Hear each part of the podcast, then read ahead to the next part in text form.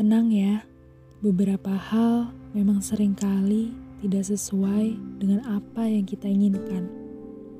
Namun coba perlahan perhatikan. Jauh dan lebih luas daripada apa yang kita bayangkan, bukan? Jadi, lebih baik kita rancang rencana selanjutnya saja. Yuk!